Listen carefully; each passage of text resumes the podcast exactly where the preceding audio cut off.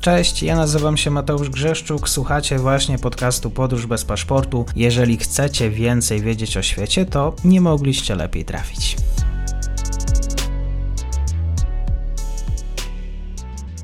Partnerem podcastu jest szkoła językowa szybkiangielski.pl. Ułatwiamy naukę języka.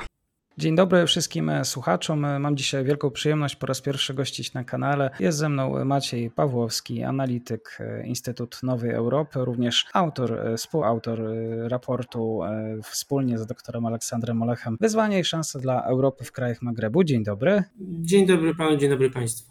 Magreb, państwa, które są określane jako często w naszym takim języku typowo analitycznym, to są kraje Afryki Północnej, to są kraje, które rzeczywiście e, leżą nad Morzem Śródziemnym i Oceanem Atlantyckim. Ja mam wrażenie, że w trakcie ostatnich dosłownie kilku miesięcy ten właśnie basen Morza Śródziemnego pojawia się w analizach, w mediach e, bardzo często i bardzo szeroko, bo tak, mamy tutaj Algierię, która chce zwiększyć eksport gazu ziemnego do Europy. Mamy oczywiście to, co się działo e, w Libii, czyli protesty w darcie do parlamentu. Mamy Tunezję, więc czas, kiedy rzeczywiście te problemy z y, prezydenta Tunezji, te reformy, które obiecał, a które no już po chyba od roku rzeczywiście y, nie pojawiają się na tapecie. Mamy Maroko również, które też jest zainteresowane tutaj, jeżeli chodzi o źródła energetyczne. Bardzo dużo jakby dzieje się akurat w tym regionie świata. Ciebie to nie dziwi?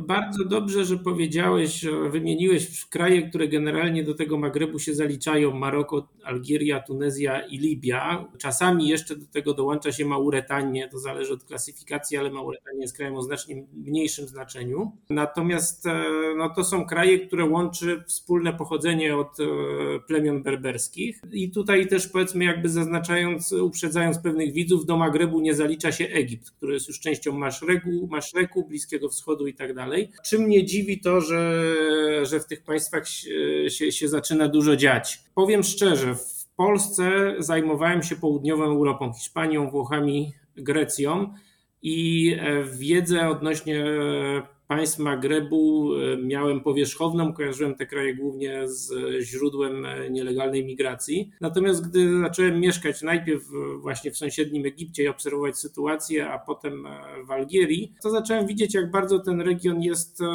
może być dla, dla Europy atrakcyjny. Natomiast, no, co tutaj jest ciekawe, tak? no, są to państwa, które mimo wspólnego pochodzenia nie współpracują ze sobą, a wręcz często są skonfliktowane, może wyjątkiem to jest Tunezja z Algierią, które są dość blisko, ale, ale, ale tak generalnie wszystkie pozostałe państwa, że tak powiem, są, są, są w nie najlepszych relacjach. I co jest jeszcze interesujące, Algieria, która jest e, państwem, e, którego społeczeństwo bardzo mocno sympatyzuje z Rosją i które ma dość mocne więzi z Rosją, w tym momencie może ona być największym dla Rosji konkurentem, ponieważ posiada ogromne zasoby gazu nawet w zeszłym tygodniu ogłoszono odkrycie kolejnego złoża, w którym można wydobyć 100 metrów sześciennych, 100 tysięcy metrów sześciennych rocznie. I e, tutaj, tutaj są ogromne potencjalne możliwości tego gazu pod ziemią. Myślę, że jest, e, może być nawet równie dużo jak w Rosji, natomiast nie ma infrastruktury wydobywczej i wystarczająco rozwiniętej infrastruktury transportowej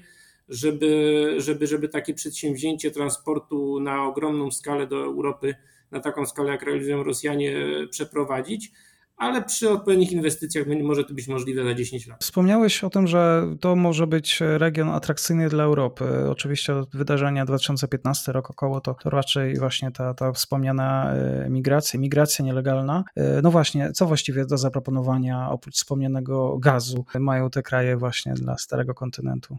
Oprócz gazu, tak, Libia ma też ropę, tak, ale to powiedzmy, że jest odpowiedź, która niekoniecznie cię usatysfakcjonuje, tak. E, są to kraje atrakcyjne turystycznie. O Maroku i Tunezji wiemy. Libia musiałaby tam się zakończyć wojna domowa, ale również no jest to kraj powiedzmy o podobnym potencjale jak Egipt. I również Algieria, choć tam baza turystyczna jest nierozwinięta, ale są to też przede wszystkim e, kraje o bardzo dużej populacji. No, e, Algieria 44 miliony mieszkańców, e, Maroko 38 milionów, Tunezja około 10, Libia odstaje, Libia to jest zaledwie tam 6 milionów, ale powiedzmy, że, że, że ta pierwsza trójka łącznie to jest, to jest dość dużo i ta populacja cały czas rośnie, wobec czego są, jest to rynek zbytu dla produktów spożywczych, dla wszelkich artykułów dziecięcych, wszelkiego rodzaju produktów dla rodzin, nie wiem, pieluch czy, czy, czy, czy, czy wszelkich tego typu rzeczy czy dla budownictwa również, czy to mieszkaniowego, czy infrastrukturalnego, jest to rynek, którego, którego są to rynki, których rola cały czas e, będzie rosła. Po drugie,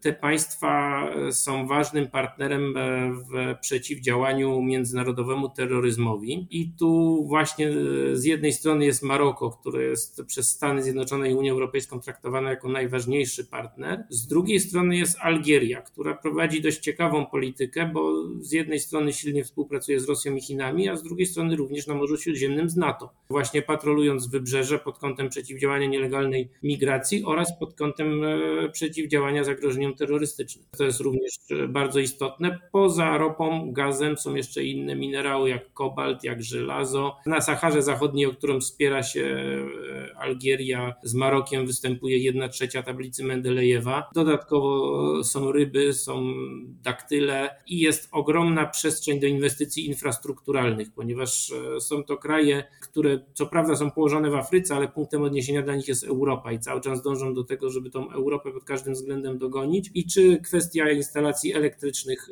fotowoltaicznych, to jest ogromny potencjał, ponieważ chociażby na Saharze mamy mnóstwo słońca i zainstalowanie tam e, ogromnej liczby paneli fotowoltaicznych spowoduje, że e, państwa będą mogły produkować więcej prądu. W przypadku Algierii ma to podwójne znaczenie, bo nie tylko, nie tylko kwestia samej, samej, samej dużej inwestycji, natomiast e, również jest to zmniejszenie popytu na gaz na rynku wewnętrznym czyli zwiększeniem e, podaży gazu, którą można sprzedać e, do Unii Europejskiej. Myślę, że w obliczu wydarzeń, które dzieją się teraz już, e, bardzo ciekawym wątkiem jest właśnie wątek libijski. Przypominając dla słuchaczy, w Libii doszło do masowych protestów. Demonstranci libijczycy sprzeciwiali się pogarszającym warunkom życia. Tutaj spory polityków, brak nowych wyborów, które już miały być obiecane, miałyby się odbyć. Nawet pamiętam jedną z deklaracji, chyba grudzień, grudzień zeszłego roku, gdzieś w okolicach Wigilii takie, takie wybory miały się pojawić. No właśnie, e, e, potencjał duży, ale pierwsze będzie właściwie trzeba odbudować te państwo, żeby właściwie móc skooperować, móc współpracować. Tak, jeżeli my słyszymy o wojnie domowej, wyobrażamy sobie w zasadzie strzelaninę na terenie całego kraju, jakąś jedną wielką masakrę. Natomiast tutaj, e, czy to obserwując sytuację z Egiptu i rozmawiając z ludźmi, którzy regularnie do tej ligi jeżdżą, czy z Algierii, okazuje się, że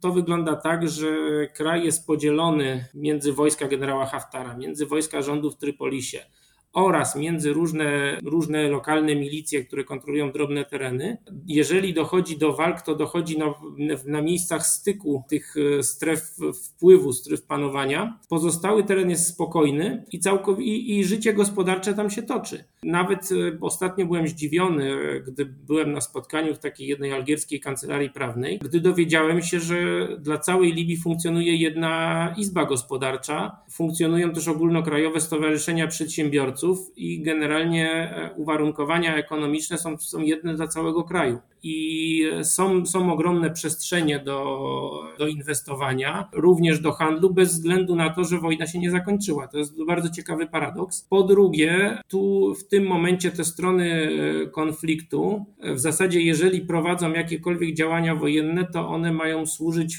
podbiciu stawki w negocjacjach o to, jaką mają zająć pozycję w rządzeniu państwem.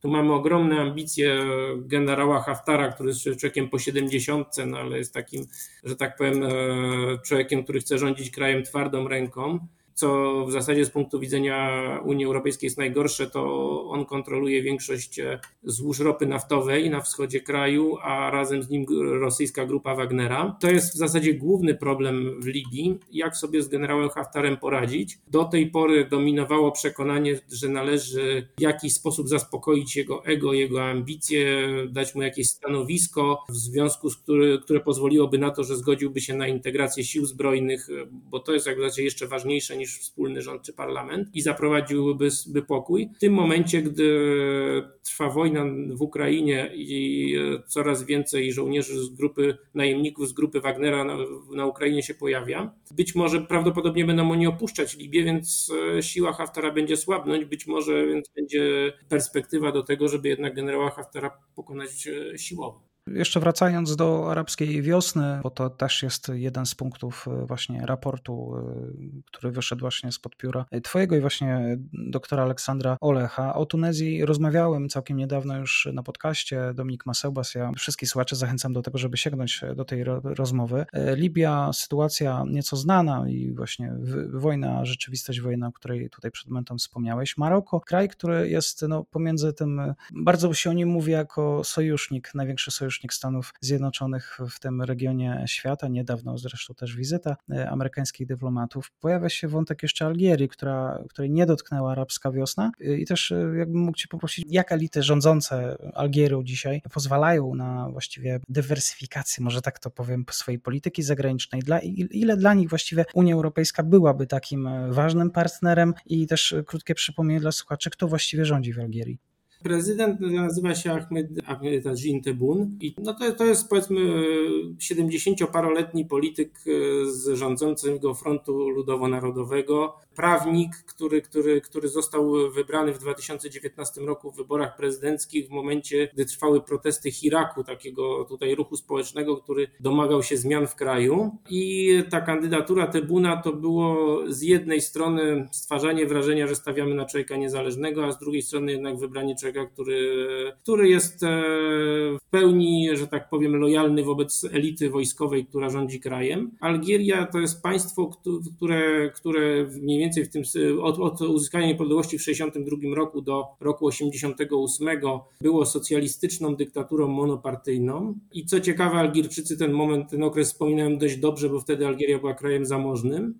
Natomiast w momencie, gdy zaczęły spadać ceny ropy naftowej, przeprowadzono tam e, na światowych rynkach, kraj zaczął ubożeć, e, przeprowadzono tam wstępne reformy liberalizujące gospodarkę, demokratyzację życia, życia społecznego, pozwolono na funkcjonowanie różnych innych partii politycznych. Takie reformy, które znamy z naszego regionu, ale one zostały zahamowane, ponieważ w 1992 roku w wolnych wyborach Algierczycy wybrali, wybrali partię islamistyczną i wojsko tej partii nie zaakceptowało, doszło do protestów partia islamistyczna organizowała zamachy terrorystyczne na celebrytów, na aktorów, e, na ludzi zaufania publicznego. Z czasem rozszerzając tą grupę, grupę ofiar również na zwykłe ofiary cywilne, które nie akceptowały islamskiego stylu życia, i taka sytuacja trwała 10 lat taka wojna wojska z terrorystami. No i potem e, to jakby te swobody demokratyczne teoretycznie zostały zachowane, natomiast e, w rzeczywistości e, jakoś tak zawsze wychodzi, że wybory wygrywa ta jedna partia, która tworzy koalicję z drugą partią i w, i w kraju rządzą cały czas ci sami ludzie związani z wojskiem. Natomiast też oceniając tą sytuację, nie możemy abstrahować od porównania z innymi państwami regionu poza Tunezją, która do niedawna była jedynym demokratycznym krajem regionu, który można było w pełni powiedzieć, że jest demokratyczny, teraz to się zmienia, teraz to jest pod wielkim znakiem zapytania. Wszystkie państwa północnej Afryki to były e, dyktatury albo, albo w przypadku Maroka monarchia. Tam demokracja po prostu się nie przyjęła. I tak e, obserwując w życiu codziennym sytuację, porównując na przykład Algierię z Egiptem, mogę powiedzieć, że tutaj jest znacznie szerszy zakres wolności słowa na przykład. To znaczy powszechnie w prasie pojawiają się artykuły krytykujące rząd, o rzeczach, które działy się na przykład przed 2019, przed protestami w Iraku, można pisać w zasadzie wszystko. Algierczycy w prywatnych rozmowach również mają prawo krytykować rząd, jak tylko im się, im się, im się, im się to podoba. Natomiast e, no jest, jest, jest, ta, jest ta duża swoboda, ale jakoś tak dziwnie się dzieje, że wybory wykrywa zawsze ta sama partia polityczna. Tak, tak, myślę, że na tym, na tym bym zakończył bez rozszerzania. Przyznam, że zawsze przy rozmowach na temat publikacji, e, rozmowa na kanale niech będzie też pretekstem do tego, żeby sięgnąć więcej. I ja rzeczywiście z wszystkich słuchaczy zachęcam teraz na stronę, żeby weszli na stronę Instytutu Nowej Europy lub też e, sięgnęli po link w opisie, bo tam umieszczam link właśnie do raportu wyzwania i szanse dla Europy w krajach Magrebu. Dzisiaj nieco dotknęliśmy tematu, po więcej zachęcam do wskazanej publikacji, a moim gościem był Maciej Pawłowski, Instytut właśnie Nowej Europy. Bardzo dziękuję. Dziękuję bardzo mi miło. I to już koniec na dzisiaj. Zapraszam na profil podcastu Podróż bez paszportu na Facebooku, Instagramie i Twitterze. Zachęcam też do wsparcia mojej pracy na serwisie Patronite oraz Buy Coffee. Do usłyszenia.